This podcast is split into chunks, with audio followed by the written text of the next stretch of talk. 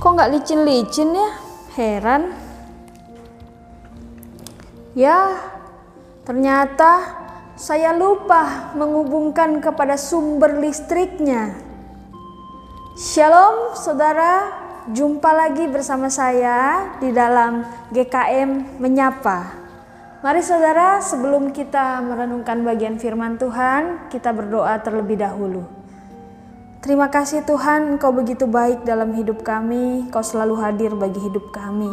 Dan pagi hari ini Engkau hadir bersama kami di dalam pemberitaan firman Tuhan. Kiranya Engkau memberkati dan menolong. Di dalam nama Tuhan Yesus kami berdoa. Amin.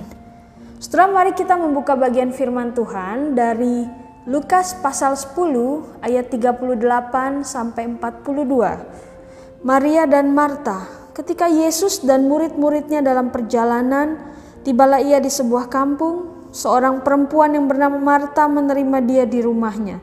Perempuan itu mempunyai seorang saudara yang bernama Maria. Maria ini duduk dekat kaki Tuhan dan terus mendengarkan perkataannya. Sedang Marta sibuk sekali melayani, ia mendekati Yesus dan berkata, Tuhan, tidakkah engkau peduli bahwa saudaraku membiarkan aku melayani seorang diri? Suruhlah dia membantu aku. Tapi Tuhan menjawabnya, Marta, Marta, engkau khawatir dan menyusahkan diri dengan banyak perkara. Tetapi hanya satu saja yang perlu, Maria telah memilih bagian yang terbaik yang tidak akan diambil daripadanya. Saudara sadar atau tidak sadar, sering kali kita memfokuskan hidup ini yang terutama untuk kepentingan diri kita sendiri, mengurus keluarga, mengejar karir dan cita-cita, mengurus usaha kita dan lain sebagainya. Tapi sering kali kita lupa sebelum kita menyibukkan diri kita dengan semua hal itu, kita lupa akan hal utama yang harus kita lakukan, yaitu apa? Terhubung selalu atau berelasi selalu dengan Tuhan Yesus.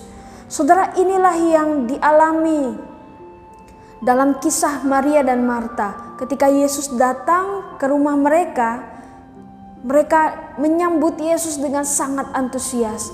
Tapi kemudian, siapa yang menyambut Yesus dengan sangat antusias untuk berelasi dengan Yesus? Hanya Maria.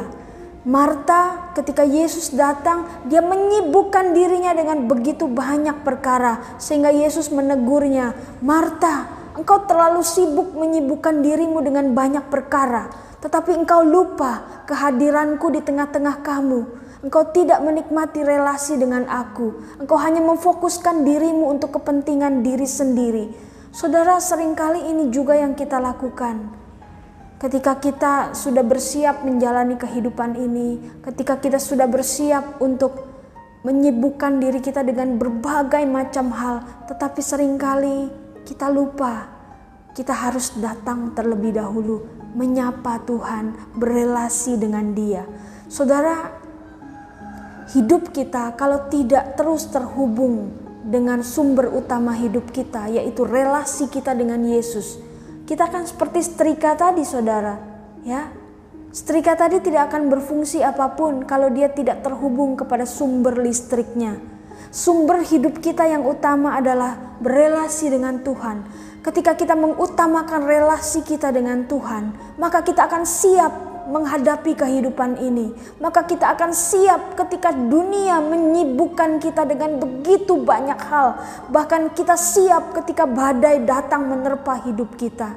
Tetapi ketika hidup kita tidak terhubung dengan sumber yang utama dalam hidup kita, yaitu relasi dengan Yesus, Saudara, hidup kita seperti setrika tadi. Kita tidak akan berfungsi dengan baik. Kita tidak akan hidup memuliakan Tuhan. Bahkan kita sulit untuk menjadi berkat bagi sesama kita.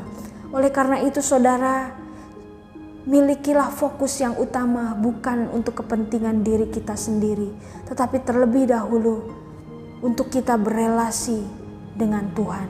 Mari kita selalu terhubung kepada sumber utama dalam hidup kita relasi kita dengan Tuhan. Amin.